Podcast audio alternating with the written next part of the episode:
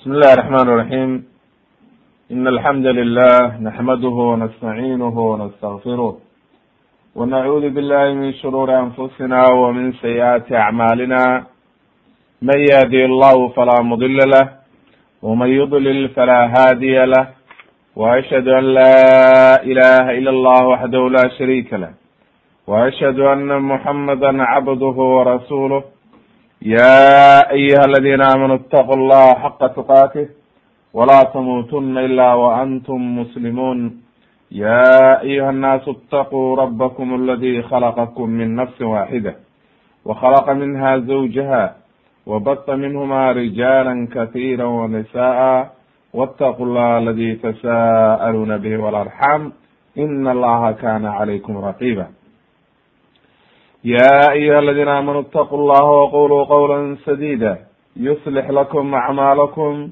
wayagfir lakum dunuubakum waman yudic allaha warasuulahu faqad faaza fawza cadiima ama bacd faina asdaqa alxadiidi kalaam allah wakhayr alhadyi hadyu muxamedi sala allahu alayhi wasalam washara alumuuri muxdathaatuha wakula muxdathatin bidca wakula bidcatin dalaala wakula dalaalatin fi nnar in sha allahu tabaaraka watacaala calaamadihii ashraad asaaca waxa uu noqonayaa dersigani oo aynu soo gaarnay marka aynu dhamaynay calaamadihii yareeraa calaamadihii waaweynaana aynu bilaabin waxa u dhexeeya oo waxa weye calaamad weynna ah calaamad yarna ah waayo sababtu waxa weye tobanka calaamadood oo waaweyn kuma jiro laakin waxa weye adilo badan baa ku soo aroortay oo waa calaamad aad iyo aad macruuf u ah. Waxay noqonaysaa calaamadaasi alimaanu bilmahdiy wa bayaanu anahu min ashraad isaaca imaanka in la imaan la rumeeyo inuu soo baxayo mahdig fi aakhiri zaman. Sida nebiga calayhi salaatu wasalaam axaadiis badan ugu sheegay in la rumeeyo oo waxa weye uu soo bixi doono nin la yihahdo almahdiy waana inoo imaanaysaa tacriiftiisa iyo waxa weye xilliguu soo baxay. Culamadu waxay yihahdeen fi akhiri zaman yakruju rajulu min ahli lbeyt yu-ayid llahu bihi ddiin nin baa soo baxaya ahlu beytkii nebiga ka mid a ayaa akhiru zamaanka soo baxaya ilaahay diinta uu ku ayidi doono oo ku xoojin doono toddoba sano ayuu haynayaa baa la yidhi xukunkuu qabanaya toddoba sano ayuu joogayaa. Riwaayadaha qaar baa waxay leeyihiin oo caddaynaya sidii riwaa inoo imaan doonta. Haddii waktigiisu yaraado waa toddoba sano. Haddii waktigiisu batana waa sagaal sano. Yamla'u larda cadlan kama muli'at jawran wa dulman. Dhulka ayuu wuxuu ka buuxinayaa cadaalad. Aad buu dadka ugu xaqsoonayaa maadaama markii hore oo isaga intii ka horreysay dulmi laga buuxiyey dhulkii iyo xaqdaro ummadda waa loo raaxaynayaa baa lay xilligiisaas. Ummadda islaamka waxay gaaraysaa wanaag fara badan oo nicam fara badan baa ilaahay siinaya. Dhulka ayaa waxa weye nabaad iyo wanaag looga soo saaraya. Samada ayaa roobkii ka imaanaya isdaba jooga qaala ibnu kathir raximahullah waxa uu yihi fi zamanihi takunu thimaaru kathira xilligiisa miruhu aad bay u badanayaan zarcigii iyo markii la beerto aad bay u badanayaan iyo mirihii wazuruucu ghaziira. Zarcigana waxa la beerto miruhuna waa kuwa ka baxa geedaha. Haddaba markaa labadiiba waxay noqonayaan wax aad u badan oo dadka aad ugu filaada. Walmaalu waafir maalkiina aad bu u badanaya walsuldaanu qaahiru madaxnimadii iyo waxa weye dowladdiina aad bay u shaqaynaysaa oo wanaag fara badan baa la helaya diintuna wadiinu qaa'imun. Diintiina waxa weeye waxay noqonaysaa diinta islaamku. Midda lagu dhaqmayo oo dadkao dhan lagu hogaaminayo oo aad iyo aad ayay xoog u yeelanayso. Cadowgiina waa la jebinaya oo cadowgu waa daciifayaan wuxuu yihi walkhayru fi ayaamihi daa'im khayr iyo wanaag ayaa ayaamihiisa soo aroortay inay daa'im noqonayso joogto noqonayso. Annihaaya fi lfitna walmalaaxim majalada koowaad soddon iyo ko ayuu saa ku leeyay wa qala alcalaama abiayib moxamed shams alxaq alcadim alaabadi fi cawn lmacbud markuu arrintan ka hadlaya wuxuu leeyahy waa shaarix cawn maratay kitaabka cawn macbuud ninka iska leh oo waxa weeye sunan abu dawud sharaxay alcadiim alaabadi wuxuu yihi waclam buu yihi ana almashhuur bayna alkaafa min ahli lislaam waxaad ogaataa buu yihi qof yow muslimka waxa weeye sida mashhuurka oo waadixa oo dadkao dhan ogyihiin oo aan cidna ka qarsoonayn waxa weeye xilliyadii la soo maray oo waxa weye casri walba dadka muslimiinta ah, annahu laabudda fi aakhiri zaman min duhuuri rajulin min ahli lbeyt. Waxa weeye wuxuu inoo tilmaamayaa alcadiim alaabadi wuxuu inoo tilmaamayaa in ummadda islaamku wakti walba ay joogeen inay aaminsan yihiin oo rumaysan yihiin inuu soo bixi doono nin waxa weeye aakhir zamaanka inuu soo bixi doono aalo beytka ka mid a. Ilaahay diinta ku xoojinayo cadli iyo wanaag dadka uu samaynayo wayatbacuhu lmuslimuun muslimiintu ay raacayaan oo waxa weeye meelaha muslimiinta oo dhan u talin doona. Wa yusamaa bilmahdiy mahdigii ayaa lagu magacaabaa. Sidii nebigu ugu magacaabay calayhi salaatu wasalaam. Wa yakunu khuruuju dajaal wama bacdahu min ashraaq الsaaca fi saxiix cala atharihi. Macnaha dajaal iyo wixii ka dambeeyo ashraaq saaca tobanka calaamadood oo waaweyn oo aan sharixi doono oo ka dambeeya tobankuba isagay ka dambeeyaan oo mar alla markuu mahdigu soo baxo oo waxa weeye uu isku duberido oo dadki islaamka wanaag ay helaan ayaa dajaal soo baxaya. Dajaal markuu soo baxana nabiyullahi ciisa baa soo degaya. Nabiyullahi ciisa baa dajaal dilaya. Markuu dilana kabacdi waxaa soo baxaya yajuuj wamaajuuj saasay isugu xigaan oo waxa weeye tobankuba waa imaanaya marka nabiyullahi ciisana waa soo degaya. Markaasuu dilayaa buu yihi yajuuj ninka la dajaal imaamka ma mahdiguna markaas waa ummadda islaamka imaamkeeda nabiyullahi ciisana way wada kulmayaan oo waxa weeye dajaal ayuu maaragtay ku saacidayaa dilidiis. Wuxuu yihi cadim alabadi wakharajuu axaadiita almahdiyi jamaacatu min a'ima waxaa soo saaray buu yihi axaadiita mahdiga a'imo badan. Jamaaca koox a'imada islaamka ka mid a ayaa soo saaray minhum abu dawud. Abu dawud baa ka mid a. Wtirmidiy imaamu tirmida ka mid a. Wibn maaja walbazaar walxaakim wاطabarani wa abu yacla intaasoo dhan baa weriyey axaadiistiisa iyo ka badan wa asnaduuha ilaa jamacati min asaxaaba saxaabo badan ayay ka wariyeen waxa weeye mahdiga shanigiis mithla cali bn abi talib wa cabdullahi bni cabas wa bni cumar wa dalxa wa cabdallah bni mascuud wa abi hurayra wa anas wa abi saciid alkhudriy wa umu xabiba wa umu salama wa thawban. Waxa weeye aad iyo aad ayay u badan yihiin.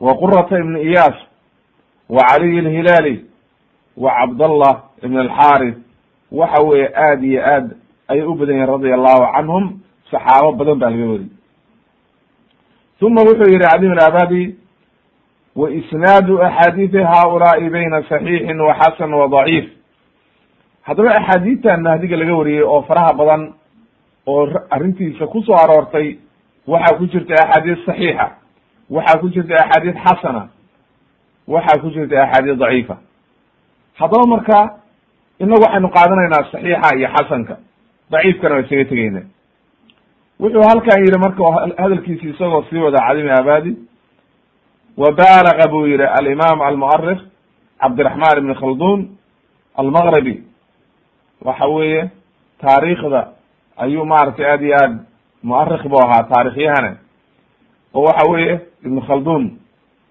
wuxuu yihi wuu daciifiyey axaadiista mahdiga waxa uu yihi kulli waa daciif wuu daciifiyey arrintaasna wuu ku khaldamay ayuu yihi cadim alabadi arrintaa marka in la yihahdo kulli wuu daciifiyey sheikh albani raxmatullahi caleyh wuxuu leeyahay markuu xadiid mahdiga ka sheekeynaya uu soo saaray oo xaakim wariyey ayuu wuxuu yihi xadiidkan lam yatamakan ibn khaldun min tadciifi hada alxadiid maca shadadihi fi tadciifi akthar axaadiis almahdi. Wuxuu yihi xadiidkan ma una daciifin buu yihi mana uu helin oo ma u awoodin inuu daciifiyo maca buu yihi isagoo weliba daciifiyey buu yihi axaadiistii mahdigu say u badnaayeen. Bal aqara buu yihi alxaakim calaa tasxiixihi. Imaamu xaakim baa xadiidka saxiixiyey. Ibn khaldun waa waa u daayey siduu imaamu xaakim u saxiixiyey ayuu faraha uga qaaday ma uu daciifin. Waayo imaamu xaakim ayaa saxiixiyey. Waay lihadihi ariiq wuxuu yihi marki sheikh albani raxmat ullahi caleyh faman nasaba ilayhi anahu dacafa kula alxadiis. Axaadiistoo dhan ibn khaldun baa daciifiyey qofkii yaraahda arrintaasi waa khalad. Ama waa sahwi ama waxa weeye waa camdan ha u dhehe arrintaasi waa khalad. Waxa uu kalaamka kuleeyahay maaragtay fi silsilati axaadiis saxiixa majalada afraad afartan xadiidka kun iyo shan boqol labaatan iyo sagaal haddaba marka axaadiistoo dhan ma uu wada daciifin waayo ma uu wada helin laakin in badan buu daciifiyey oo axaadiista say u badan yihiin wuu daciifiyey. Laakin arrintaa wuu ku khaldamay ayay culimmadu yidhahdeen sida inoo imaan doonto inay axaadiisu saxiix yihiinna waynu arki doonaa culummado dhan baa ku diiday oo waxa weye kaga daba tegey. Uma qaala raximahullah weli kalaamka waxaa sii wata cadim alaabadi wuxuu yihi wma ruwiya marfuucan min riwaayati muxamed ibn lmunkadir munkadir can jaabir man kadaba almahdiy faqad kafar famawduucun bu yihi xadiid waxaa jira axaadiista beenta ah ka mid a oo waxa weye mahdiga ku soo aroortay wuxuu leeyahay xadiidkaasi qofkii mahdiga beeniyey intuu soo baxo ama ama ka horba waa gaaloobay xadiidkaasi waa mawduuc beena oo aan nebiga ka sugnayn waayo muttahim baa ku jira beenlow ah.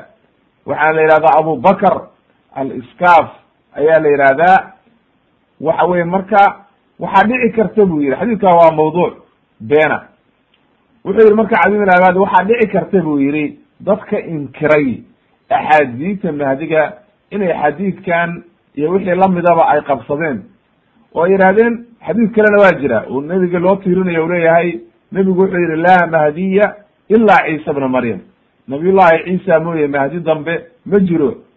Walxadiid dacafahu lbayhaqi walxaakim wa fiihi aban bn salix wa huwa matruk sido wa ujeed marka waa daciif wey sidoo kale sheikh albani waa daciifiyey fi sai fi daciif ljami raqamka lix lix kun iyo saddex boqol afartan iyo sideed wacazahu ibn maaja walxaakim haddaba marka xadiidkaasina waa xadiid daciifa. Laa mahdiya ilaa ciisa bna maryam isagana waa daciif. Waxaana ku jira ninkaa matruuka oo waxa weeye matruuk waxaa la yihahdaa qofka axaadiistiisa laga tago ama markaasi oo maratay isku dhex darmay ama waxa weye axaadiistiisu khalad ka batay cala kuli xaal xadiiskiisa waa matruuk bali cawnulmacduudka ayuu saa ku keenayaa maaragtay cadim alabadi mujalada koob iyo toban laba boqol afartan iyo saddex ilaa laba boqol afartan iyo afar ayuu saa ugu sharaxay haddaba kalaamka waxaa inooga caddaaday mahdiga inuu jiro axaadiis badanna ku soo aroortay oo aad iyo aad u badan. Axaadiista marka ku soo aroortay inay saddex nooc uqaybsamaan axaadiis saxiixa iyo axaadiis xasana iyo axaadiis daciifa. Qaacidada marka mustalaxulxadiidku waxa weeye xadiidku hadduu xasan yahay hadduu saxiix yahay ama xasan yahay yucmalu bihi waa lagu camal falaya oo waa la qaadanaya oo wax saxiix wey hadduu daciif yahayna yutraku bihi waa laga tegaya oo xadiis daciifa cidina qaadan mayso. Haddaba marka waxaan u soo gudbaynaa qodobka koowaad oo aan ku soo qaadayno tacriifu lmahdiy oo aynu isimkiisa iyo sifadiisa labadaba aynu tilmaamayno. Ismuhu awalan magaciisa waxa waxa weeye ka ismi rasuuli llahi sala allahu alayh wasalam wa ismu abihi kadalik nebiga calayhi salatu salaam moxamed ibn cabdillahi baa la yihahdaa ninkan mahdigana waxaa la yihahdaa magaciisa baa la yihi fayakunu ismuhu moxamed ibn cabdillah kama qaala nabiyu sala allahu alayh wasalam nebigu siduu u yihi laa tadhabu dunya addunyadu ma tegeyso ay macnaha qiyaamihii ma dhacayo walaa tanqadi mana dhamaanayso xataa yamlika rajulun ilaa uu qabsado nin min ahli beyti ahli beytkayga ka mid a yuwaadiu ismuhu ismi magaciisa iyo magacaygu ay isku mid yihiin wa fii riwaayatin yuwaadiu ismuhu ismi wa ismu abihi ismu abi isimki aabihiis xataa uu yahay isimka aabaayo kale maxamed ibn cabdillah imaamu axmed baa warinaya iyo abu dawud iyo tirmidi ayaa warinaya can ibn mascuud bay ka warinayaan wa saxaxahu sheikh albani raxmat ullahi caleyh fi saxiix iljaamic toddoba kun iyo laba boqol iyo toddobaatan iyo shan iyo sunan abi dawud iyo sunan tirmidi ayuu ku saxiixinay. Way waxaa kaloo sii sugnaatay marka aalubeytka yuu ka sii yahay. Aalubeytka nabiga calayhi salaatu wasalaam waa inoo imaaneysaa culummadu intay ka yihaahdeen iyo aqwaashooda. Wuxuu leeyihiin marka culummadu wa huwa min duriyati fatima binti rasuuli llahi sala allahu alayhi wasalam waxaynu ognahay sida saxiixa nebiga calayhi salaatu wasalaam wiilal wax dhalay kama tegin. Wiilba nebigu kama tegin oo wiilashiisii nebiga waa ka wada hormareen. Waxa weye marka kama tegin wiil. Gabdho unbu gabdhana kama tegin oo kama dambeyn ilaa fatima mooye. Laakin gabdho wax dhalay baa jiray. Oo maaragtay caruurtoodii joogaan. Marka fatima binti rasuuli llahi sala allahu alayh wasalam oo cali bn abi talib uu qabay ayaa dhashay oo waxa weeye ay ka imaaneysaa duriyadii duriyaddeedii ayuu ka imaanayaa mahdigu. Uma min duriyati alxasan ba la yidhi. Xasan iyo xusein labadaba waa waxa weye wiilashii fatima ay dhashay. Oo nebigu jeclaa.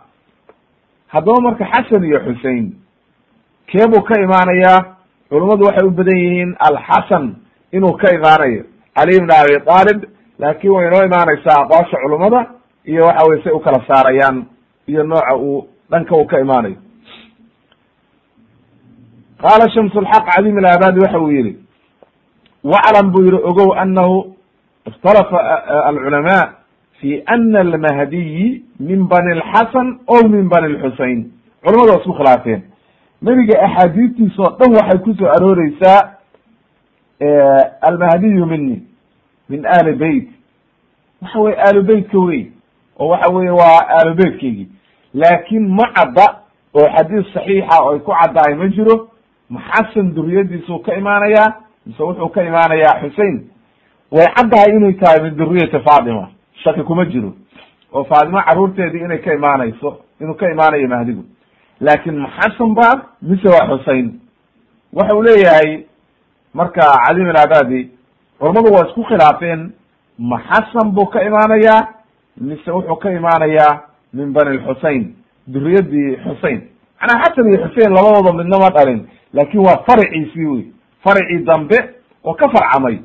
Leanna waxa weeye qofku duriyadiisa farciisa o dhan waa waa ilmihiisii. Oo waxa weeye nabiyullahi aadam bilow aadmigoo dhan waxa jooga. Waa ilmihiisii wey waayo isagaa laga soo farcamay qaala alqari wuxuu yihi fi lmirqat wa yumkinu an yakuna jaamic. Culamada qaar baa jamciyey oo waxay yidhahdeen xasan iyo xusein labadaba waa ka imaanaya.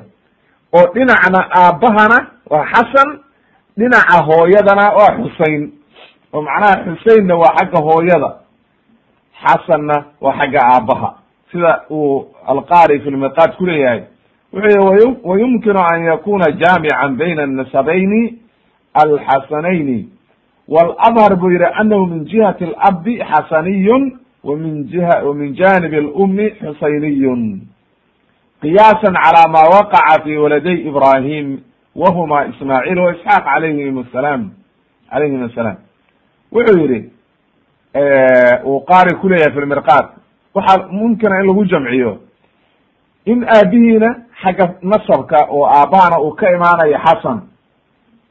Xagga hooyadana oo hooyadi ay ku abtirsan doonto xusein sidii qiyaasna waxaa looga qiyaas qaadanayaa buu yihi arrintii ku dhacday labadii wiil oo nabiyullahi ibrahim ismaaciil iyo isxaaq waxaynu ognahay buu yihi isxaaq waxaa ka farcamay reer bani israail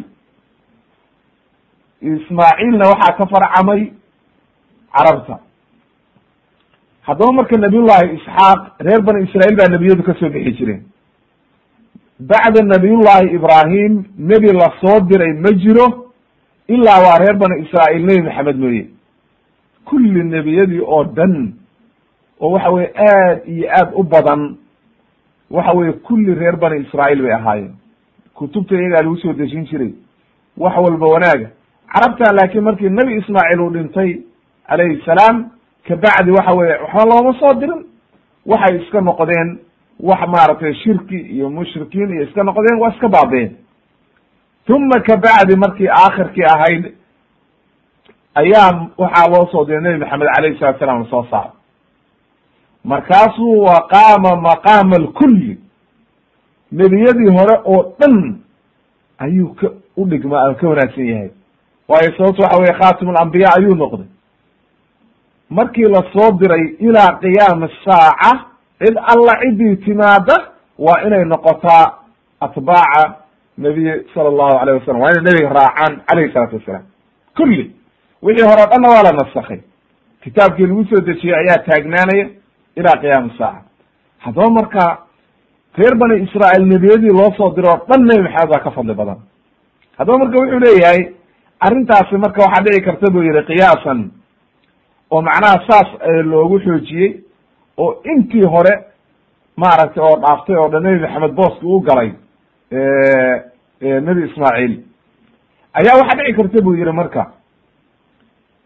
Waxaa la ogyahay buu yihi a'imadu say u badnaayeen oo saxaabadii kabacdi a'imadii soo baxay culummadii inta ku abtirsata aalu beytka oo waxa weeye xasan iyo xusein ku abtirsata aktarkooda waxay ku abtirsadaan ba la yidhi xusein waa min awlaadi xusein ba la yidhi. Wuxuu yihi marka fanaasaba an yunjabira alxasan bian ucdiya lahu waladun yakunu khatim alawliya wuxuu noqonayaa buu yihi marka maadiguna awliyadii iyo culummadii iyo dadkii wanaagsanaa ninkii khatimay oo wuxuu ka soo baxaya min duriyati xasan. Calaa kulli xaal waa ijtihaad uu shiiku saa ugu ijtihaaday oo cali qaari uu saa ugu ijtihaadayo. Lakin waxa weye wax nasa oo waxa weye daliila oo qaadica looma hayo. Cawn lmacbuudka ayuu saa ku soo guurinaya cadim ilabadi majalada koob iyo toban laba boqol afartan iyo sagaal. Khulaasadeeduna waxa weeye inuu macnaha dhinacna ka yahay xasan oo aabihii xagga aabaha uu ku abtirsanayo xasan xagga hooyadana reer abti ay u yihiin oo uu ku abtirsanayso hooyadi xusein wallahu aclam wa sifatuhu seebuu u eg yahay. Oo waxa weye ekaanshihiisa iyo seebuu u eg yahay maxaa ku soo arooray? Calaamadaha lagu garanayo waa maxay? Waxa la yihi ko anahu ajla ljabha anqa lanfi kama fi xadiidi abi saciid alkhudriy radi allahu canhu waa inoo imaan doontaa macnaha laga wado ajla ljabha waxa uu yihi nabiga calayhi salaatu wasalaam almahdiyu mini ajla ljabha aqna alanf mahdigu aniga ayuu iga mid yahay ay macnaha waa min duriyati oo waxa weye aalubeytkaygii weye ajla ljabha ajla waxay yidhahdeen culummadu ajla ljabha waxa la yidhaha sida nihaaya ibn lcatir uu kuleeyahay aljala waxa weeye buu yihi inxisaaru muqadami ra'si min ashacri aw nisbi aw nisfi ra'si aw huwa duna salci waa ninka salxanyada dheer dheer oo timuhu wejigiisa ka durugsan yihiin oo waxa weeye maaragtay aan bidaarna lahayn ama waxa weeye salxanyo dheer dheer leh ama nisfu ra'si ay gaarayaan bartanka timihiisa oo kor u kacsan timihiisa weji ballaaran oo wanaagsan leh oo salxanyo wanaagsan leh. Laakin bidaarta ka sokay aan bidaar lahayn. Sidoo kale qaamuuska wuxuu ku yihi famacnaa ajla ljabha munxasiru الshacri min muqadami ra'sihi oo waasicu ljabha waa ninka wejiga wanaagsan leh oo ballaaran oo quruxda carabtu waa ku ammaanaan qofku markuu weji ballaaran oo qurux badan leeyahay. Oo timuhu kor uga kacsan yihiin oon food shareer lahayn. Soomaalidaba waxa qofka food shareer kale oo timuhu wejiga ka soo gelayaan xoogaa waxa weeye qurux ma aha. Waa quruxoo ilaahay baa sameeyey laakin dadka agtooda waxay waxaa la qurux badan qofka salxanyada leh oo timuhu kor kacsan yihiin. Oo waxa weeye wejigiisu waadixa yahay ayaa waxa weeye la qurux badan. Wa ama qowluhu aqna alanfi qaala fi nihaaya wuxuu yihi ibn alcatir alqana fi lanfi waxa weeye tuuluhu wa diqatu arnabatihi. Macnaha inuu san dheer leeyahay oo qurux badan oo waxa weye san ballaaran ma leh san gaaban ma leh san dheer oo qurux badan oo wanaagsan ayuu leeyahay wuxuu yihi waxaa la yidhahdaa rajulun aqnaa ay nin san dheer san dheer oo kale. Wa imra'atun qanwa ama gabar san dheer. Haddaba marka saas ayaa maaragtay wuxuu yihi qaala alqari alqari walmuraadu anahu lam yakun afdas.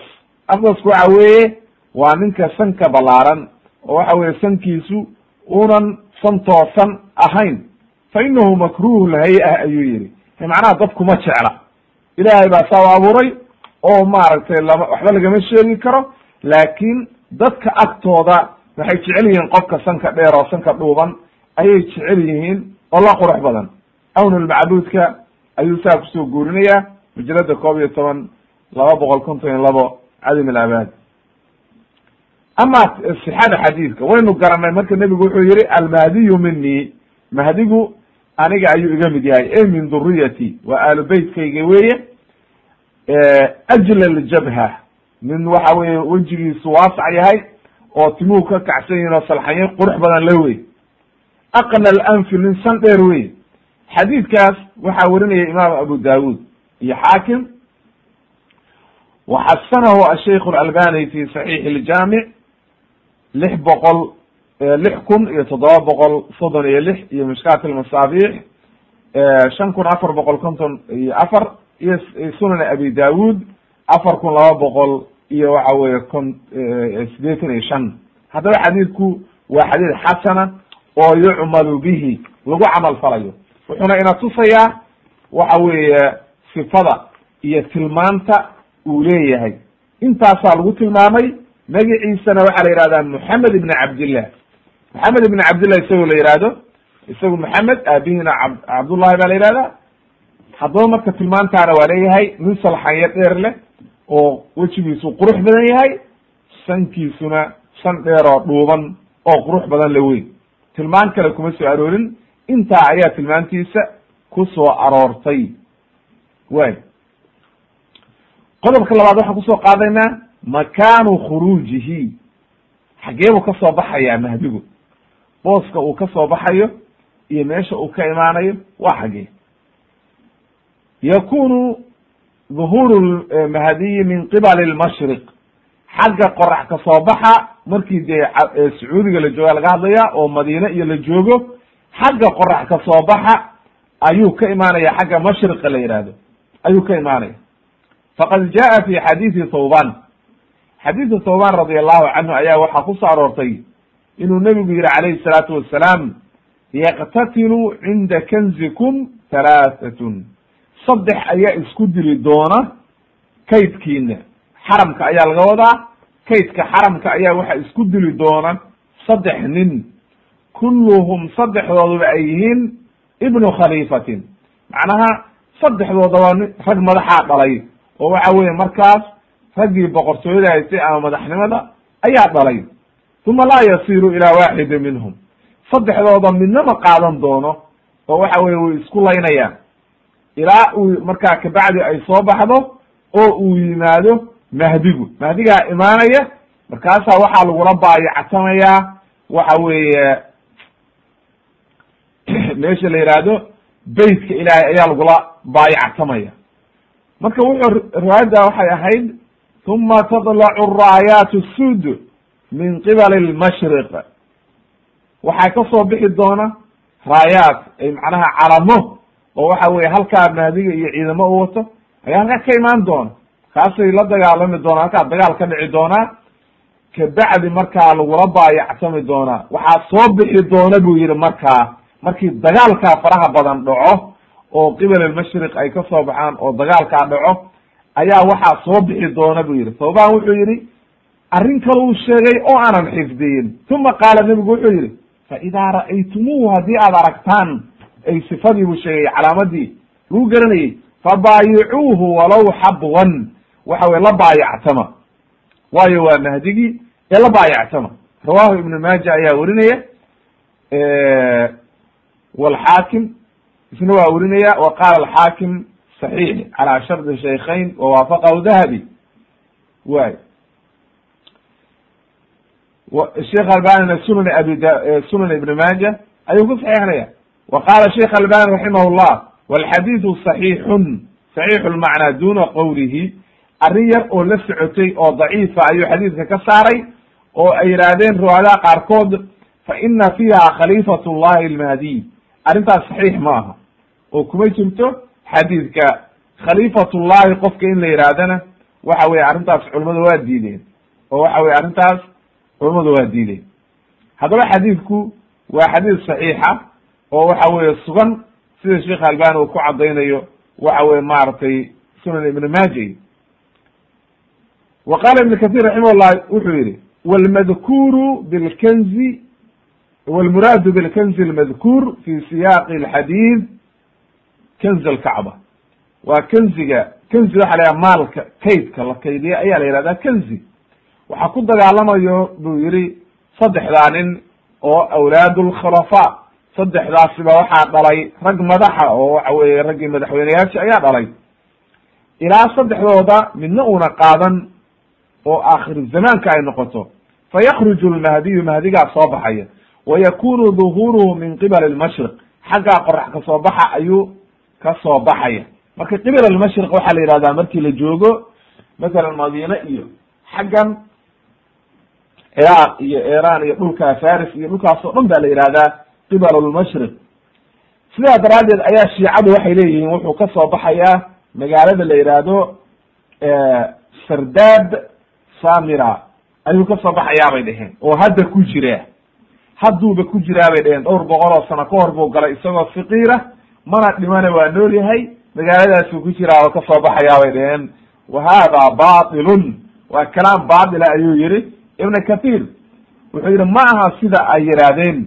Xagga qiblulmashriq buu ka soo baxayaa laakin ma ka soo baxaya buu yihi la min sardab samira kama yazcumahu jahalat raafida sida ay dadka juhalada oo raafidada oo sheecadu ay ku been hawaasayaan arrintaasi saxiix ma aha.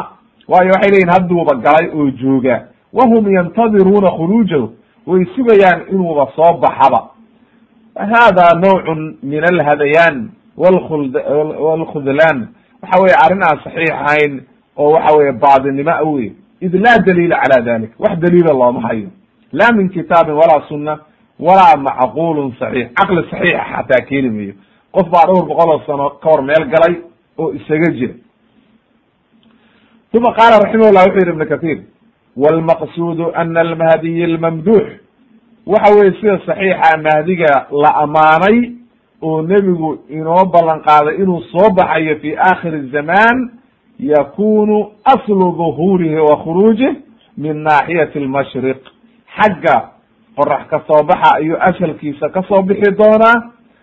waxaana lagula baayactamayaa cinda albeyti markuu beytka yimaado. oo waxa weeye xaramka ilaahay ayaa lagula baayactamayaa oo islaamka o dhan la baayactamayaan kama dala dalika bacd alaxaadiid wallahu aclam annihaaya ayuu saa ku leeyahay fi lfitan walmalaaxim majalada koowaad labaatan iyo sagaal. Haddaba marka makaanu khuruujihi meesha uu ka soo baxayo waxay noqonaysaa xagga mashriqa laakin lama hayo magaalada iyo meesha uu ka soo baxayo axaadiis saxiixa oo kutusinaysa imaa qowlka raafida waxa weye waa qowl daciifa oo aan saxiix ahayn. Waya qowlka saddexaad waxaan ku soo qaadayna haddaynu garanay mahdiga inuu soo baxayo oo aynu sifadiisii iyo waxa weeye nasabkiisiina garanay iyo cidduu ka imaanayo waxaynu soo qaadanaynaa marka bacd annusuus addaala calaa duhuri lmahdiyi fi akhir zaman nusuusta ku soo aroortay axaadiidta nebiga calayhi salatu wasalaam saxiixa inagoo ka tegayna intii daciifka ahayd oo daciifka aan soo qaadanaynin ayaynu waxaynu soo qaadanaynaa axaadiisa saxiixa oo waxa weeye ku soo aroortay si ay arrintiisa waadix u noqoto oo waxa weeye aynu u aamino inay arrintaani arrin saxiixa tahay can abi saciid alkhudriy radi allahu canhu wuxuu yihi ana rasuula allahi sala allahu alayh wasalam qaal yakruju fi akhiri fi aakhiri ummati almahdiyu. Mahdiga ayaa soo baxaya aakhiru zamaanka. Ilaahay dadka roob buu ku waraabinaya. Dhulka ayaa waxaa laga soo saaraya. Wa tukhriju alardu nabaataha dhulkuna waxay soo saaraysaa nabaadkeeda iyo wax alla wixii ku jiray. Maalkana waxa weeye sixaaxan. Wa tucda almaalu sixaaxan. Maalkiina wuxuu noqonayaa maal wanaagsan oo saxiixa. Xoolahaa badanaya ummadda ayaa wanaagsanaanaysa yaciishu sabcan ow thamaaniyan wuxuu noola joogayaa oo xukunka haynayaa toddoba sano ama sideed sano. Riwaayadda dambe ayaa inoo sii caddayn doonta oo odhan doonta aynu keeni doono oo ibn maaja uriyey ow wuxuu yihi marka riwaayaddaani sabcan aw thamaaniyan xijajan ay sanad dayraha imam xaakim baa werinaya wa qaala saxiixu lisnaad walam yukharija waafaqahu dahabi imam dahabina waa ku waafaqay inuu saxiix yahay. Wa saxaxahu sheekh albani fi silsilati axaadiis saxiixa waxa weeye toddoba boqol iyo koob iyo toban. Wa fi riwaayati ibni maaja riwaayadda ibni maaja waxay leedahay yakunu fi ummati almahdiyu in qusira fa sabcun haddii waktigiisa la gaabiyo waa toddoba. Wa ilaa fa tiscun ama waa ilaa haddii kale waa sagaal macnaha horta sagaal sano ma dhaafayo marka ama waa toddoba sano ama waa sideed sano ama waa sagaal sano sida riwaayaduhu isugu imaanayaan sagaal sana ugu badan toddoba sana ugu yar. Waa saas wey ummadda ayaa loo nicmaynayaa oo wanaag oo dhan baa la siinayaa maalka ayaa aad u fara la yidhi. Ilaa la gaaro heer aan cidina waxa weye maalkii layska naco nin baa nebiga u imaanaya maadiga wuxuu leya ya maadiyo acdini xoolaysi markaasu leya khud khud maashi waxaad doonta qaado iska qaado intaa rabtid. Way xasanahu asheikh alalbani raximah llah fi sunan ibni maaja afar kun iyo waxa weye sideetan iyo saddex raqamka. Xadiidka marka wuxuuna barayaa mahdigu aakhir zamaanka inuu soo baxayo ummadana nicam iyo wanaag loo nicmaynayo. An ali an caliyin radi allahu canhu qaala wuxuu yihi qaala rasuulu llahi sala allahu alayh wasalam almahdiyu mina ahla albeyt mahdigu annaga ayuu naga mid yahay ahlu beytka ayuu ka mid yahay yuslixuhu llahu ilaahay baa hagaajinaya fi laylatin habeyn ayaa ilaahay hagaajinaya oo waxa weeye markaas sida ibnu kathir uu leeyahay ka toobad aqbalaya oo u diyaarinaya inuu noqdo khaliifa oo dhulka uu qabto islaamka uu hogaamiyo imaamu axmed ayaa werinaya wa ibnu maaja wa saxaxa sheikh alalbani fi saxiix iljaamic todo lix kun iyo toddoba boqol soddon iyo shan iyo silsilati axaadiis saxiixa laba kun saddex boqol todobaatan iyo ko ayuu ku saxiixiyey.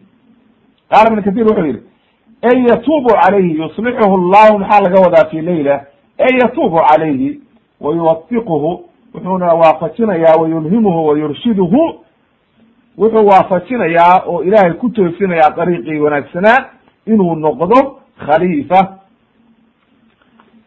Wa qaala sheikhu tuwayjiri raximah llah wuxuu yihi waqad ictarada abu cumaya ninkii caqlaaniga ahaa oo waxa weeye kutubka annihaaya fi lfitan walmalaaxim ibn kathir tacliiqiyey oo aynu hadda ka hor sheegnay inuu sheikhu tuwayjiri aad u radiyey ayaa wuxuu leeyahay sheikhu tuwayjiri ninka abu cumaya la yihahdo xadiidkan wuu waxaa tacliiqiyey oo diiday macnaha arrintan ninka faqaala wuxuu yihi fi tacliiqihi cala nihaaya marka inuu caqlaani yahay halkaanad ka garanaysaa kalaamkiisa.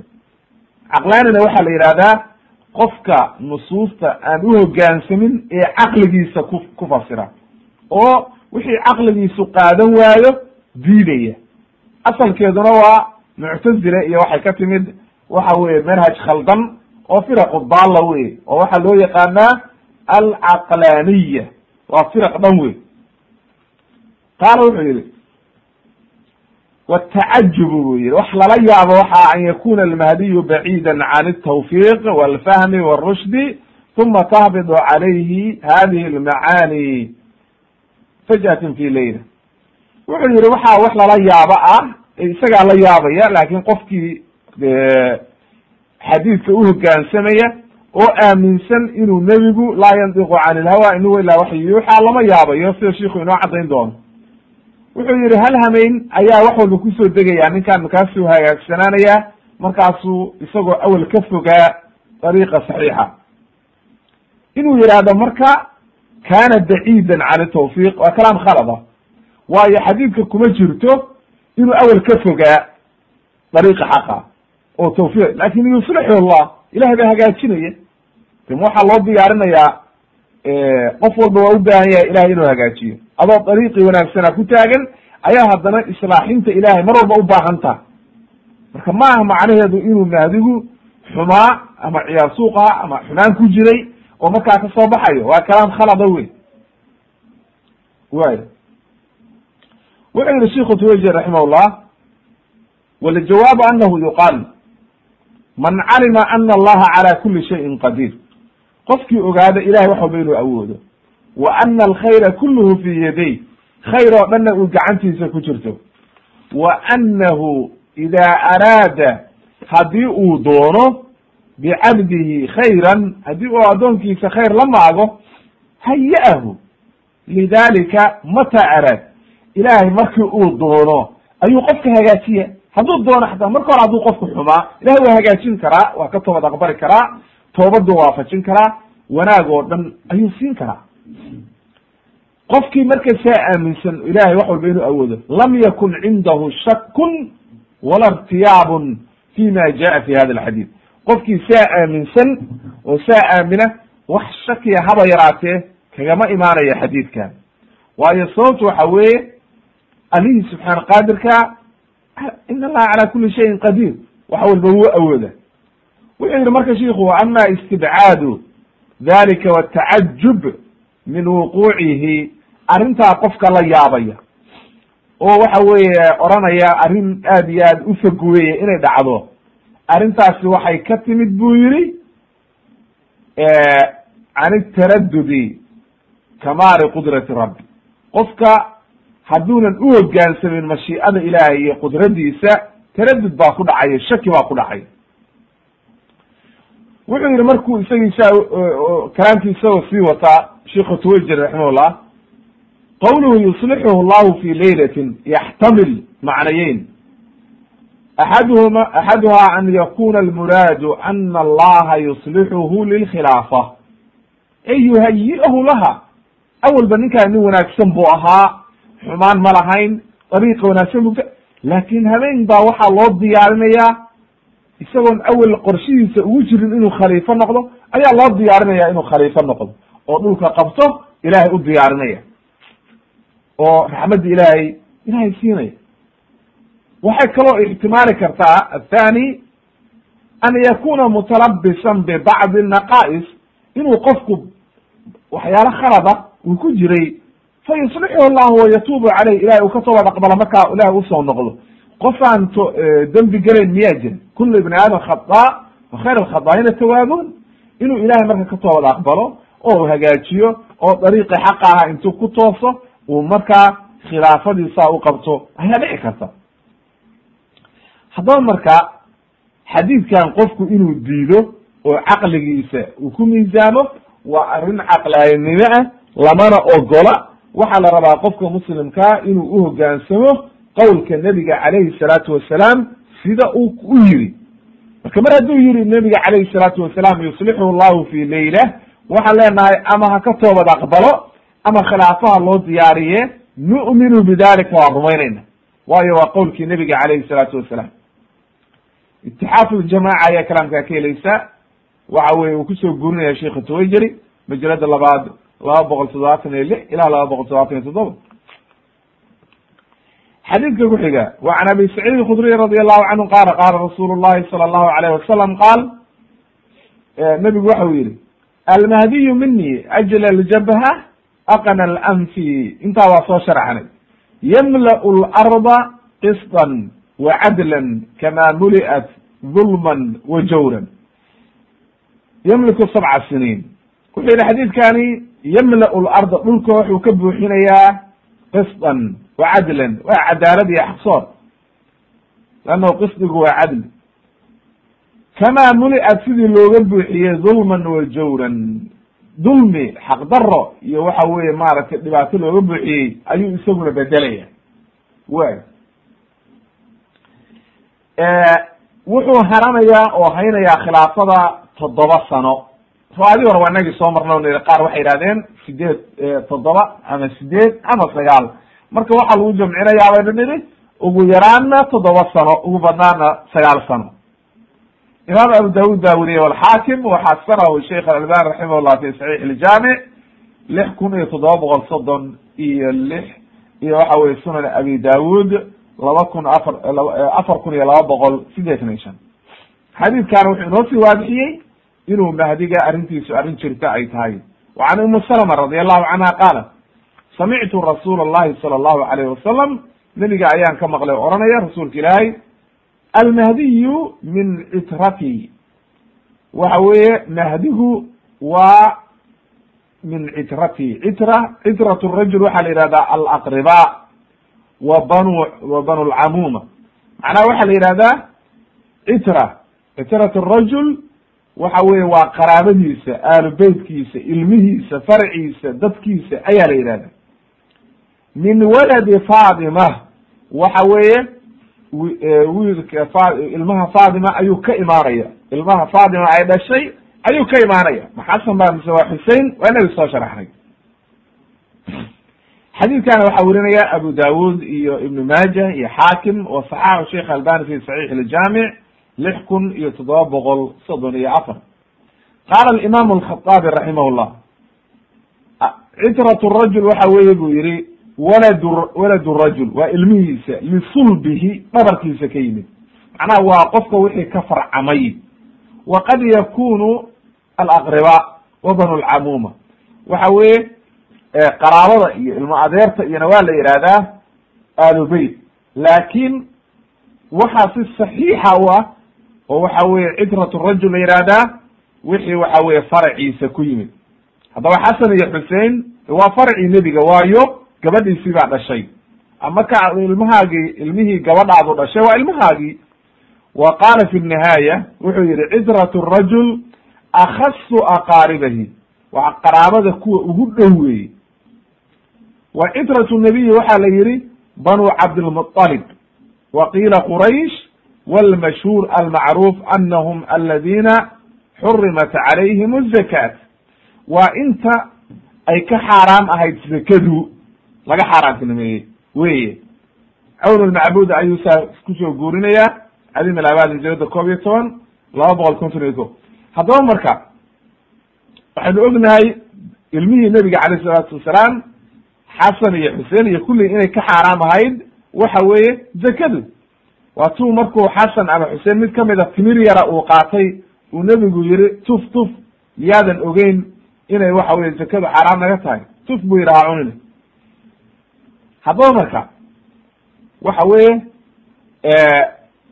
banulcabdilmuطalib nebigo waa maxamed ibn cabdillahi ibn cabdilmuطalib intaas intii islaamtay ayaa nebiga aalubeytkiisa ayaa la yihi oo zakaduna xaaraam ka ahayd cali ibn abi talib marka waa dadka ugu horreeya oo nebiga aalubeytkiisii noqonaya marka wuxuu kutusayaa xadiidkani inuu nebiga reerkiisi iyo qaraabadiisi iyo ilmihiisi uu ka imaanayo mahdigu wey wallahu aclam وعn cabdاللahi بن مسcuudi radي الlahu anهuma canhu qala wuxuu yihi qala rasuul الlahi salى الlahu عalيه wasalam laa tanqadi alayaamu wla yadhab الdahru xatى ymlika alcarab rajul min ahli beyti yuwaadiu ismi ismahu yuwaadiu ismahu ismi wuxuu yihi nebigu adduunku ma dhamaanayo oo waxa weye qiyaamihii ma dhacayo ilaa carabta dadka islaamkaa laga wadaa uu markaa dadka islaamkaa u taliyo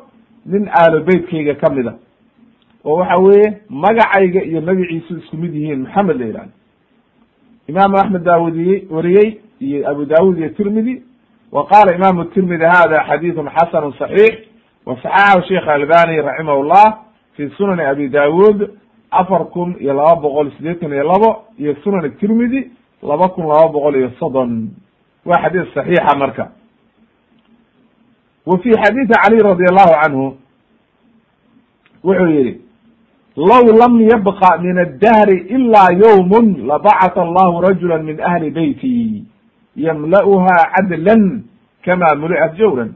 Haddii ma adduunkaba hal maalin keliya maaha wax kalaba ayna ka harin. Adduunkiiba waa gebagebo masalan maanta keliyaaba ka hadhay ilahay wuu soo saaraya.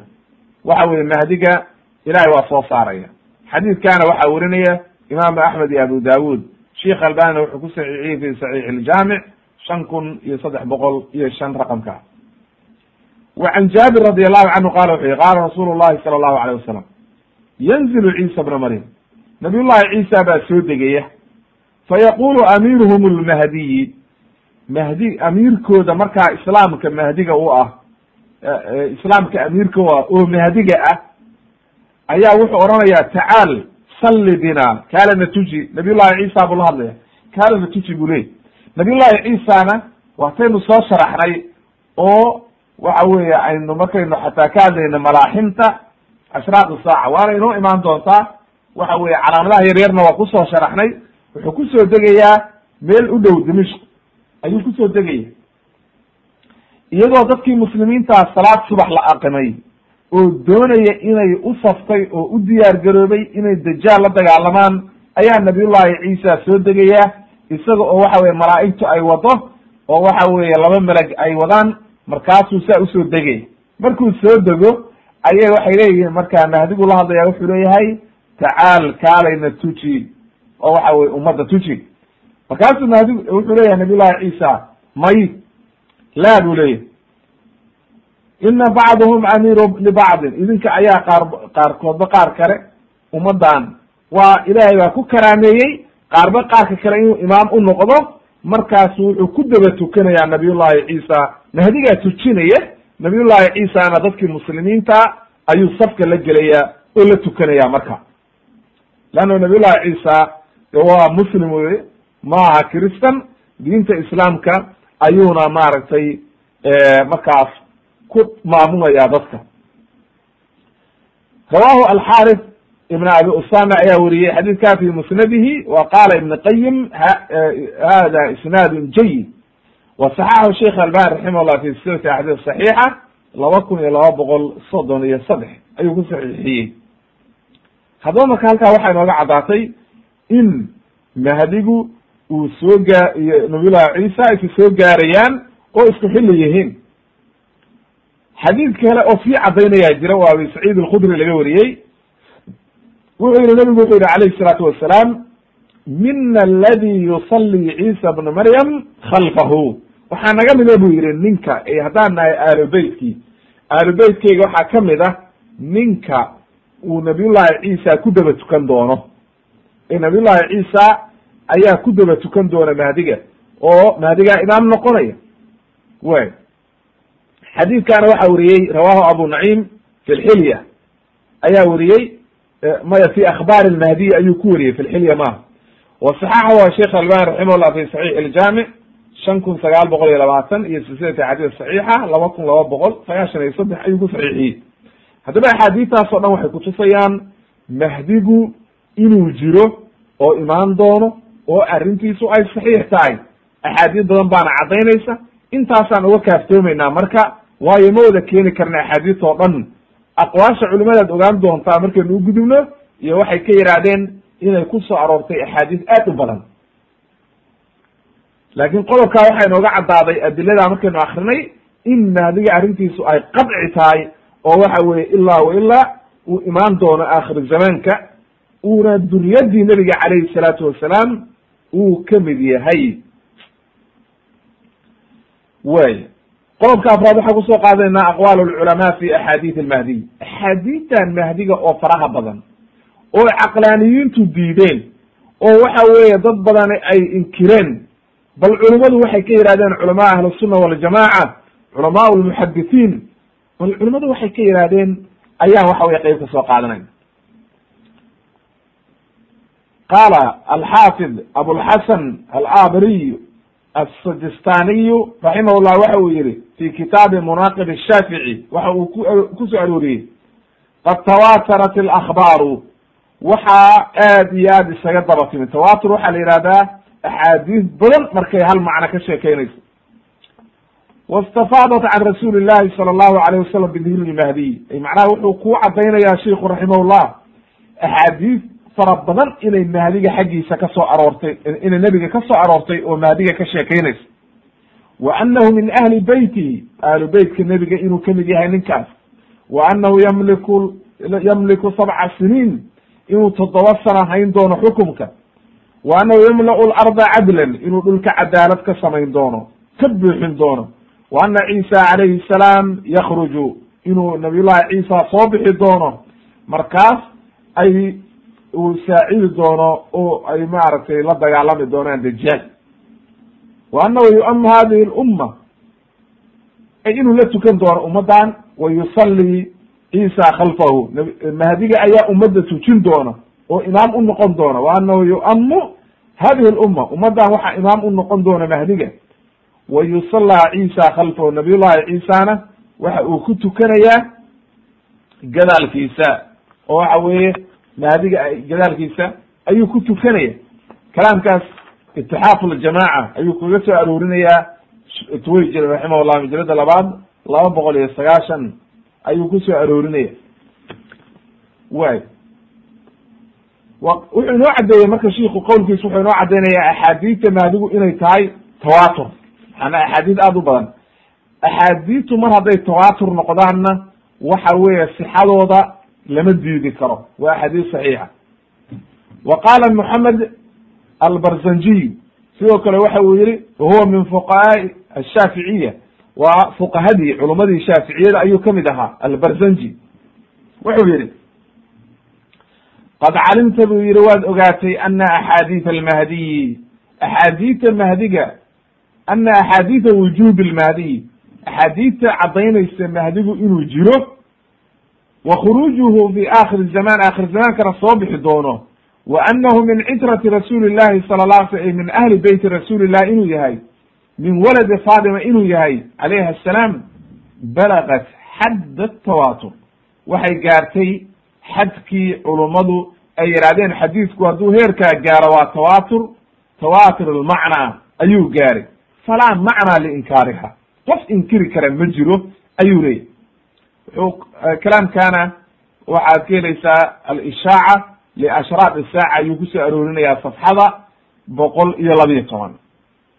Haddaba marka wuxuu inoo caddaynayaa barzanjina in ay axaadiidtana yihiin tawatirulmacnaa ay axaadiid aad u fara badan oo isku macnaa ayaa ku soo aroortay arrintan.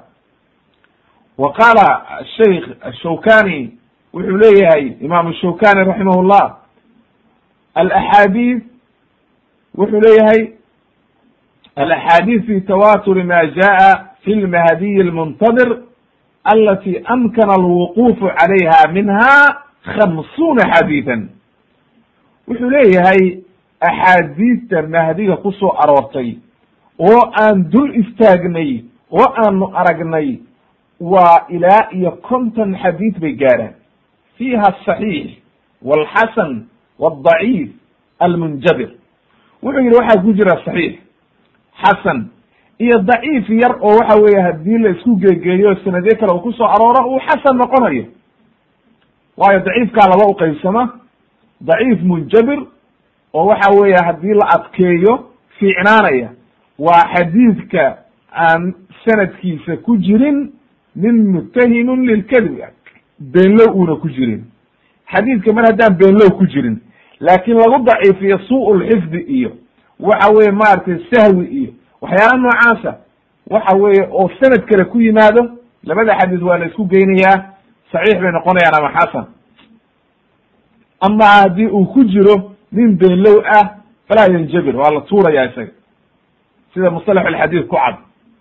Wuxuu yihi wa hiya mutawaatiratun bilaa shak waa axaadiid mutawaatira oo soo aroortay shaki kuma jira buy walaa shubhato bal sadaqa bal yusadiqu wasfu tawatur bal yasduqu buu yihi wasfu tawatur calaa ma huwa dunaha axaadiid ka yar baa la yihahdaa waa tawatur mathalan arrinta ay ku soo aroordhay toban xadiid oo isku macno ah waxa la yidhaha waa tawatur bal maxaad umalaynaysaa marka aa meesha ay ku soo aroordhay konton axaadiid oo isku macnoa oo kulli mahdiya ka sheekeynaysa waa arrin aad iyo aad u cajiibo way haddaba wuxuu yihi wa ama alaahaar buu yihi can asaxaaba amaa aqwaasha saxaabada kaga soo aroortay oo saxaabada laftigoodu iyagoo ay ka sheekeynayaan mahdiga musarixatun bilmahdiyi fa hiya kahiiratun buu yihi wax la soo koobi kara maaha walahaa buu yihi xukmu xukmu rafci.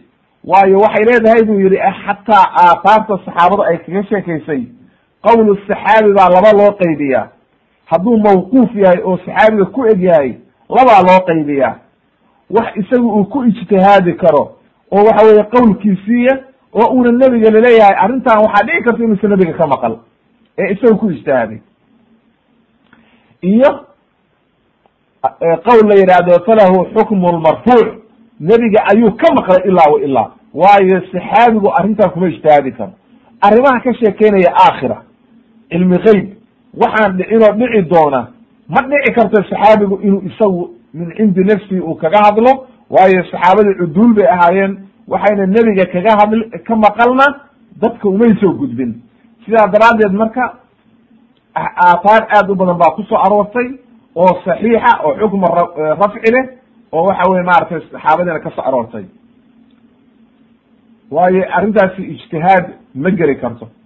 Wuxuu arrintaasna ad ka helaysaa altawdix fi tawaturi ma jaa fi lmahdiy ayuu maaragtay shawkani kaga hadlaya oo ku caddaynaya wa qala alcalaama moxamed asafarini waxa uu yihi raximah llah waqad ruwiya can man dukira min asaxaabati wa gayri man dukir radia allahu canhum. Markuu in badan sheegay ayuu wuxuu yihi riwaayado aad u fara badan ayaa laga soo wariyey saxaabada. Oo saxaabo badan buu sheegay kabacdi uu taabiciintiina wuxuu yihi wa can itaabiciina min bacdihim iyagana waa laga wariyey. Ma yufiidu majmuucuhu alcilmu alqadciy.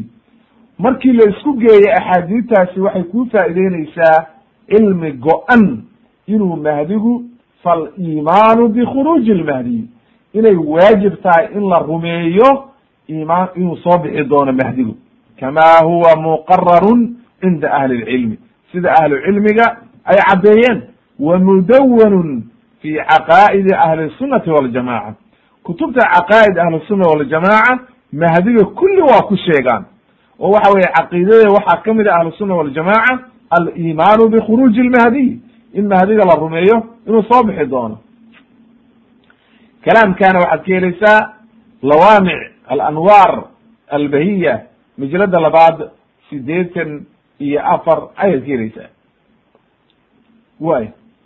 Wa qaala ibn lxajar alhaytami waxa uu yihi wuxuu isna ku leeyahay alqowl mukhtasar wuxuu yihi aladi yatacayanu ictiqaaduhu ma dalat calayhi axaadiid صaxiixa min wujudi lmahdiy almuntadir.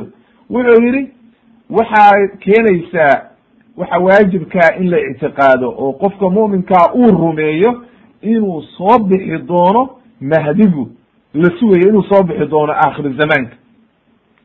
oo waxa weeye markuu soo baxo dajaalna uu markaa soo bixi doono. Nabiyullahi ciisana soo degi doono. Nabiyullahi ciisana uu ku daba tukan doono mahdiga. Arrintaasi ictiqaad ahlusunna waljamaaca ayay ka mid tahay in la rumeeyo wey waxaa ka soo guurinaya kalaamka sheikha tuwayjeri itixaafu ljamaaca majalada labaad laba boqol iyo sagaashan safxada. Wa qaala waxa uu yihi sadiq xasan khan waxa weye waa min culamaai lhindi kitaabkiisa alidaaca fi ashraad saaca wuxuu ku leeyahay laa shaka buu yihi waa rawda nabiya iyo nin kale waa macruuf.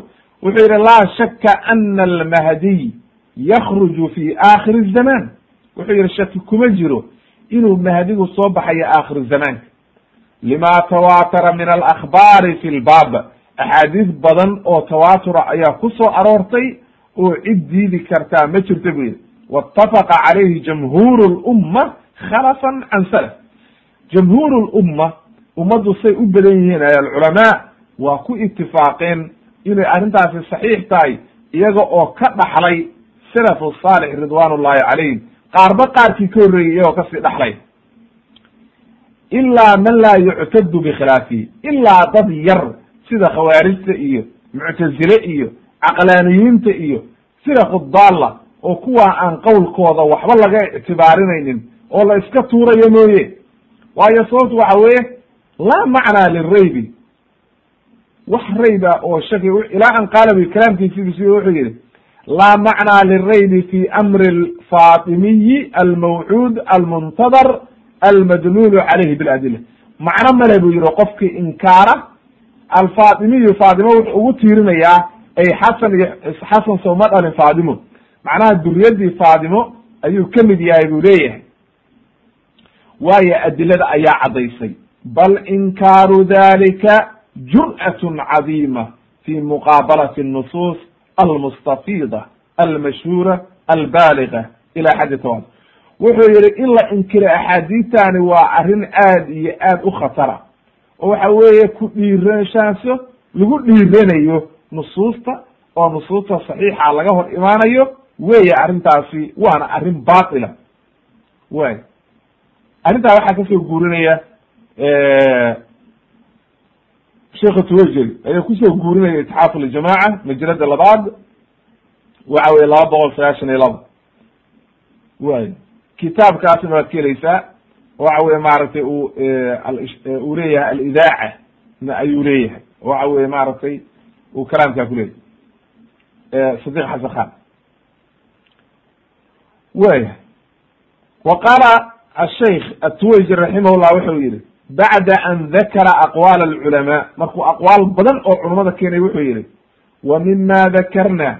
Arrintan aanu sheegnay yuclamu waxaa lagu garanayaa ana man ankara khuruuj khuruuj almahdiyi qofkii inkaara oo diida inuu soo bixi doono mahdigu.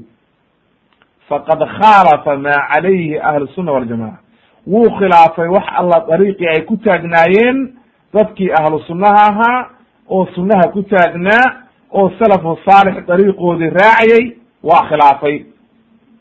Wuxuu keenay marka ninkii caqlaaniga ahaa waqad qaala buu yihi abu cubaya fi tacliiqihi cala nihaayati limathir wuxuu ku yiri buu yihi ma nasuhu yulaaxadu buu yihi ana kulu ma warada min alaxaadiid min axaadiid tatacalaqu bilmahdi wa duhuuruhu inama huwa axaadiidun daciifa. Waaba daciifiye axaadiistii oo dhan waa daciifiye bal zacma akharuha wuxuu yihi bal zacma buu yihi kasratu wuxuu yihi calaa raqmi kasratihaa inay axaadiistaasi waa daciif buu yihi si kasta ay u badan yihiin. Haddaba marka ninkaasi waa nin khariban oo waxa weye axaadiistii oo saxiixa oo culummadii saxiixiyeen ayuu daciifinaya subxaana allah wuxuu yihi marka ta'wiilna waa keenay wuxuu yihi mana dhibna male bu yihi xataa hadday saxiix noqdaan bu yihi waxaa laga dhigayaa bu yihi in la yidhaahdo islaamkaa xoogeysanaya oo waxa weye intisaaru lxaqi weye walkhayr ta'wiilna waa leyihi wuxuu yihi xataa haddaan axaadiista saxiixina bu yihi waa ta'wiilinayna.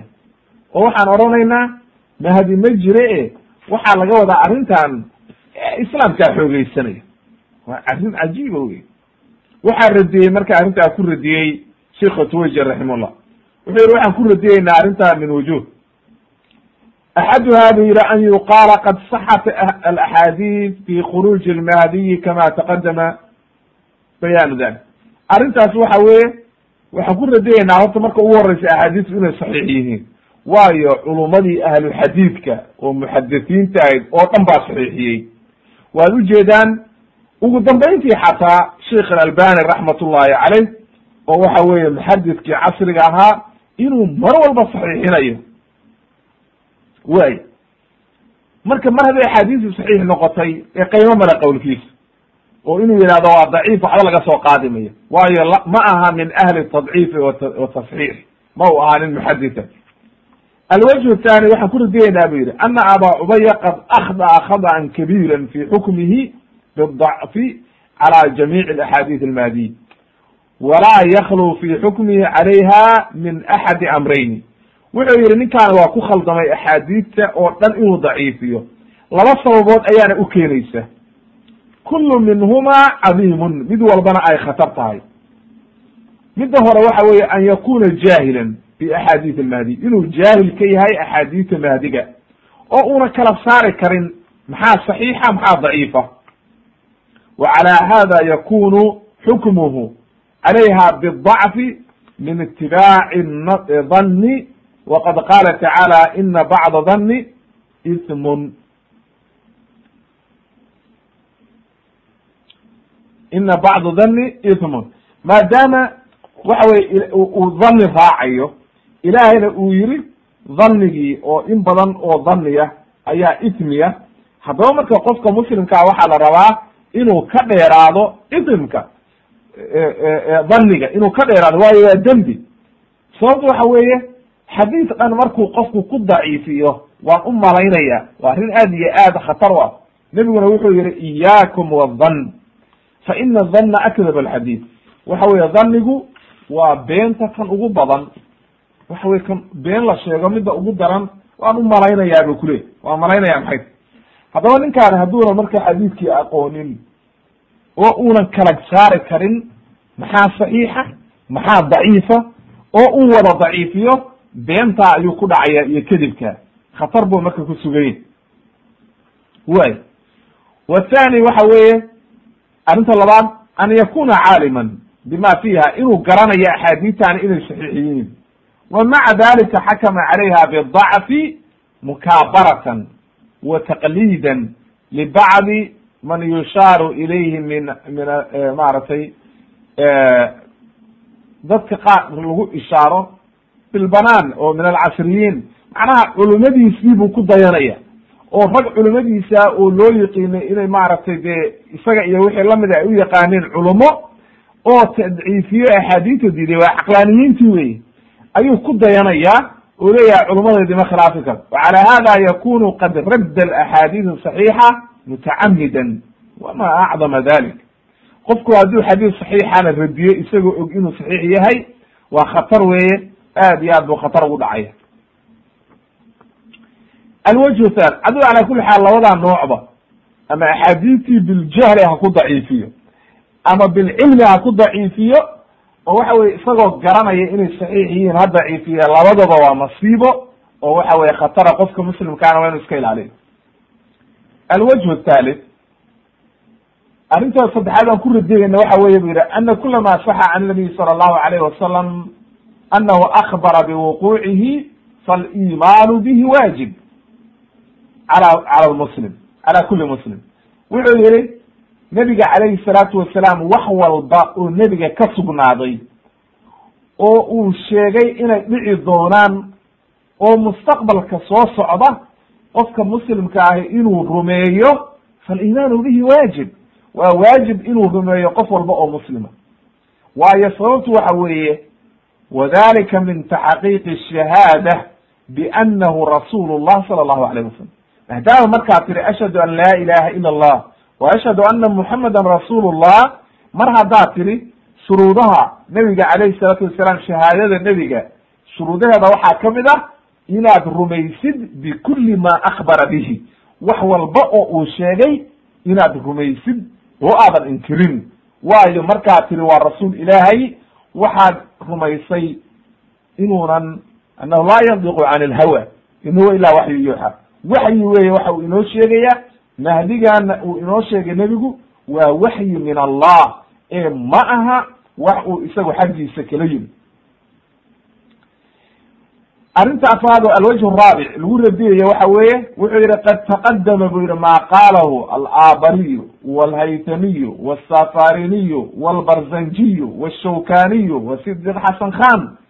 Culumadii min ahli lxadiis ahaa oo dhan waxay yihahdeen fi axaadiis maaragtay almahdiy anaha qad balagat xadd tawatur maadaama culamadii ahluxadiidku ay yidhaahdeen waxay gaareen axaadiistani xadkii tawaaturka. Wa annahu laa macnaa liinkaariha. In la inkirana wax qiima a male qofkii marka maanta inkira. Sida abu cubaya iyo ciddii lamida qofkii inkira wuxuu khilaafay dariiqii ahlusunna waljamaaca isaga ayaana naftiisa halaagay. Ee qof walba muslima ka digtoonow. Alwajh alwajh alkhamis ana ma dahaba ilayhi abu cubaya min kowni lmahdiyi ramzan liintisaari dacwat alxaqi cala nazacaati albatil wuxuu yihi wuxuu ku tacliiqiye wuxuu yihi abu cubaya wuxuu yihi waatuu yihi waxaa dhici karta in laga wadaba arrintoo dhan ishaara la ishaarayo inay tahay xaqa guulaysanaya islaamkaa guulaysanaya wanaag ayaa badanaya ee mahdi wax la yihahdo ma jiraan arrintaasi marka ana almahdiya rajulun waxaa arrintaa radiyaya minha ana almahdiya rajulun min ahli beyti rasuuli llahi lla alay slam waa nin beytkii nebiga ka ahlu nebiga ka dhashay wey oo nebigu wuxuu yihi waa rajul tilmaantiisiba xataa la sheegay. Wa minha wasafahu nabiyu sala la slam bianahu ajla ljabha aqna alanfi marka waxaa la odhan karaa islaamkaa xoogeysanayo oo wejigii weji weyn buu yeelanayaa. Maya qof buu tilmaamay nebigu waxa weye nin caadiya ayuu nebigu sheegay oo waxa weye imaan doona oo tilmaantiisi laynoo sheegay. Way wa minha waxaa ka mid ah anahu yamliku alcarab. Carab oo dhan ayuu hananayaa ayaa la yihi wa minha waxaa ka mid ah anahu yamla'u larda qisdan wa cadlan kama muli'at jawran wa dulman. Haddaba marka wa kulu jumlatin min hadihi ljumal kaafiyatun rad fi raddi ma dahaba ilayhi abu cubay haddaba arrimahan oo dhan baa radiyaya waxa uu ku tegey abu oo uu yihi islaamkaa guulaysanaya ee ma jira mahdi. Waayo waa nin waxa la yihi waa dhulkuu cadaalad ka buuxinaya carab buu hananaya tilmaantiisii baa la sheegay. Haddaba waa qof caadiya. Way fa kayfa waqad jamacat kulaha calى raddi qowlihi aladi huwa min taxriif اlkelim can mawaadici haddaba ka waran marka qowlkiisa baatilka oo uu ku inxiraafiyey waxa weeye axaadiistii nebiga haddaba aqwaashan oo dhan ayuu ku radiyaya sheikh twayjir raximahullah wuxuuna ku keenaysaa kitaabkiisa itixaaf ljamaca laba laba boqol sagaashan iyo labo ilaa laba boqol sagaashan iyo afar kitaabka waa kitaab wanaagsan oo aad u wanaagsan laakiin axaadiis badan oo daciifa ku jirta qofka muslimkaa waa inuu ka digtoonaado oo waxa weeye sheikha twayjiri axaadiis aad u badan oo daciifa ayuu ku soo arooriyey. Wa qaala sheikh atwayjir raximahullah sido kabacdi waxa uu yihi markuu intaa abu cubaya u gudbay ayuu wuxuu u soo gudbaadama raafidadii. Wuxuu yihi wa ama araafida alimaamiya falahum qowl raabic ayagu arrin kale bay la yimaadeen oo waxay yidhahdeen ana almahdi huwa muxamed ibn alxasan alcaskariy almuntadir min walad lxusein xusein ibn caliy ayuu duriyadiisii ka imaanaya waaba naqaan bay dheheenoo waa moxamed ibn alxasan horta marka ugu horeysaba waxay ku khilaafeen nebiga calayhi salaatu wasalaam. Nebigu wuxuu yihi waa moxamed ibn cabdillah iyaguna waxay yihahdeen moxamed ibn alxasan wey way culummadiina waxay ku khilaafeen waa min walad lxusein bay yihahdeen culummaduna waxay yihahdeen waa min walad lxasan way. Waxay kaloo yihahdeen alxaadiru fi lamsar algaa'ibu can alabsaar waxay yihahdeen hadduuba joogaa oo meel walba joogaa laakin indheheenaan arkaynin. Subxaana allah waa arrin kaloo cajiiba iyadana.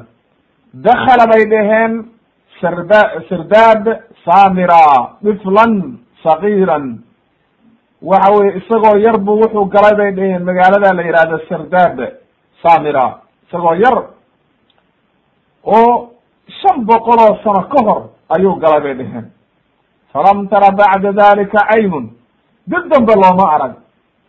walam yuxasa fiihi bikhabar walaa amr. lamana hayo ninka. wayasixuuna bihi an yakruja ilayhim ukruj ya mawlana ukruj ya mawlana maalin walba meeshaasay tagaan ba la yihi sannadkii ma mar baa mise mar walba way tagaan. oo waxa weye intay dul istaagaan oo seefahooda qaataan ayay yihahdaan ukruj ya mawlana ukruj ya mawlana. Laakin mawlahan ay sugayaan waa dajaale ma aha maaragtay mahdiga. Waayo sababta waxa weeye mawle uma aha mahdigu waayo dariiqi xaqaaba way khilaafeen uma yarjicuuna way soo noqonayaan maalin walba iyagoon waxba u soo bixin. Fahadaahum allah ilaahay ha hanuuniye. Fahada da'buhum. Arrintaas ayay maalin walba sameeyaan shiicada iyo raafidadu. Haddaba nimankaasi marka iyaguna mahdigii waa ogol yihiin laakin dariiq kale bay u qaateen. Oo waxay yidhahdeen nimaanu anagu naqaan weeye hebel weeye maxamed ibn alxasan alcaskari oo min waladi xuseyna weeye haddaba marka waxay yidhahdeen magaalada uu ku jirana waa naqaan waxa weeye waa isaguna waa meel walba waa joogaa oo waa noo jeeda laakiin annaga ayaan arkay wa ama mahdiy lmaqaariba qolo kale ayaa iyaguna maq waxay la yimaadeen mahdi. Nimanka maqaaribada la yihahdo waxay yidhahdeen mahdi bay samaysteen iyagoon la yihahdo moxamed ibnu tawmarat ayaa la tumarat fa inahu rajulu kadaab dhalimun nin aad beenlowobuu ahaa oo dhaalima mutaqallibun bilbatil batil ku dhex jira dulmi ayuu ku qabsaday faqatala nufuus dad badan buu dilay wa abaaxa wuxuuna banaystay waxyaalihii islaamku xarimay oo diinta islaamka ummadda inaan la layn wa kaana wuxuu samayn jiray ba la yihi arrin cajiib uu samayn jiray oo wuxuu qabsaday ale dhulka maqaariba ayuu muddo hora qabsaday. Wuxuu samayn jiray ba la yihi intuu culummada soo qabto oo god u qodo oo geliyo ayuu oran jiray. Waan idin laynayaa haddii kale waxaad dhahdaan waa wa waxa weye waa mahdigii subxaan allah waxa oran jiray haddiidan dadka ku dhihin mahdigii weeye waxaan halkaasaan idinku guraya waa idin laynaya markaasa inta naftooda ucadsadaan oran jireen qaarkood inahu lmahdiyu aladi bashara bihi nabiy sal l waa mahdigii nebigu u bishaareeyey hala raaco. Uma yardumu calayhim layla lianlaa yakdibuuhu bacda dalik khayaano labaad buu ku samayn jirayo markay dadkii uga markhaanti kacaan oo yidhaahdaan naftooda balbadbaadiye ay is yidhaahdaan oo naftooda furtoo daruura ugeyso oo ay dadkii ku yidhahdaan war ninkaani waa mahdigiiyo raaca. Ayuu haddana habeennimadii inta meeshii ku guro layn jiray oo ku dumin jiray qabrigii. Si aynan hadhow u beenin intay ka fakadaan oo ka cararaan oo meelaha kala tagaan ayna oran war waa beenlowo iska ilaaliyo. Oo waxa weye arrintii ayna mar labaad u beenin ayuu baabi'in jiray culummada subxaan allah ninkaasna maqaaribada xilligiisii oo taariikhdiisii hore taarikh hore bay ahayd ayuu soo baxay isagana oo mahadinimuu sheegtay. Uma kharaja almahdiyu lmulxid nin kaloo gaala ayaa soo baxay cubaydillah ibnu maymuun alqadaax la yihahdo wa kaana jaddahu yahuudiyan. Awowgiisaa yahuud ahaa faintasaba bilkadibi wazuur ila ahli ahli lbeyt ahlu beytkii ayuu u nisbe sheegtay awowgiisna yahuudi buu ahaa. Ahlu beytkii buu unisbe sheegtay. Wuxuu yidhi anigu ahlu beytkaan ahay. Kabacdina wuxuu sheegtay wadacaa anahu lmahdiy lmuntadir mahdinimo ayuu sheegay wuxuu yihi marka sheiku tuwayji raximahullah walmaqsuudu buu yihi ana haulaai lahu mahdiyun. Macnaha nimanka maqaaribada mahdi isaguna maq maqaariba ayuu ka soo baxay maqrib. Waraafida lahu mahdiyun raafidaduna mahdigaasay leeyihiin oo ay sugayaan nimanka yahuudda iyo waxa weye halkaasna mahdi bay sheegteen oo waxa weye yahuuddaas maqaariba ayaa iyaguna mahdigaas soo saaray. Calaa kuli xaal mahdigu waa hal mid sidii nebigu u sheegay calayhi salaatu wasalaam wuuna soo bixi doonaa. Qowlkaasna sheikha tuwayji raximahullah itixaaf ljamaca majalada labaad saddex boqol iyo lix ilaa saddex boqol iyo sideed ayuu saa ugu sharaxay. Wa akhiiran haddaba gebagabadii ugu dambayntii waxaynu leenahay mahdigu wuu soo baxaya. Waxaana magiciisa nebigu ku tilmaamay moxamed ibni cabdillah tilmaantiisiina wuxuu ku tilmaamay inuu yahay nin waxa weeye salxanyo dheer dheer leh oo timuhu kor wakacsan yihiin oo food shareer lahayn san dhuuban oo qurux badanna leh. Wuxuuna nebigu sheegay calayhi salaatu wasalaam in uu ka mid yahay aalu beytka khaasatanna inuu ka sii mid yahay waxa weeye duriyadda fatima oo cali bn abi aalib duriyadiisii inuu yahay. Culammaduna waxay caddeeyeen inuu yahay min awlaadi cidda ku nasba sheegato u abtirsata maaragtay inuu ka imaan doono maaragtay xasan ibn cali ibn abi aalib waxa uuna soo baxaya aakhir zamaanka xilliga marka uu soo baxo oo dhulka qabto oo kacbada lagula baayacsamo xaramka oo uu dhulka qabto oo cadaalad ka buuxiyena waxaas imaan doona markaa ninka la yihahdo dajaal dajaal markuu yimaadona nabiyullah iyagoo u diyaar garoobaya dagaalkiisa inay la dagaalamaan ayaa markaa waxaa soo degi doona nabiyullahi ciisa. Nabiyullahi ciisa baa markaas hogaaminaya oo waxa weye inta ku daba tukada mahdiga oo mahdigu imaam noqdo ayuu kabacdi markaa nabiyullahi ciisa dagaalkii la qaadaya saasaa dajaal lagu dilayaa min baabi luddi meesha la yihahdo ayaa lagu gaari doonaa oo nabiyullahi ciisa ku dili doonaa. Haddaba mahdigu waa arrin jirta oo saxiixa qof walba oo muslima oo mu'minana laga rabo inuu rumeeyo waa min caqiidati ahli sunna waljamaaca intaas marka ayaan ku soo gebagabaynayaa oo waxa weeye aan adilo saxiixa u helay wax alla wixii khaladana ilahay baan uga toobad keenaya wixii saxana ilahay baan ku wa subxaanaka allahuma wabixamdika ashhadu an laa ilaha ila anta astaqfiruka waatuubu ilayk walxamdu lilahi rabi alcaalamiin waxaana ka digayaa inaan lagu kadsoomin ragga caqlaaniyiinta oo arrintaa diidaya qof walba oo caqlaaniya waa diidaa arrintaa in la iska ilaaliyo wallahu aclam.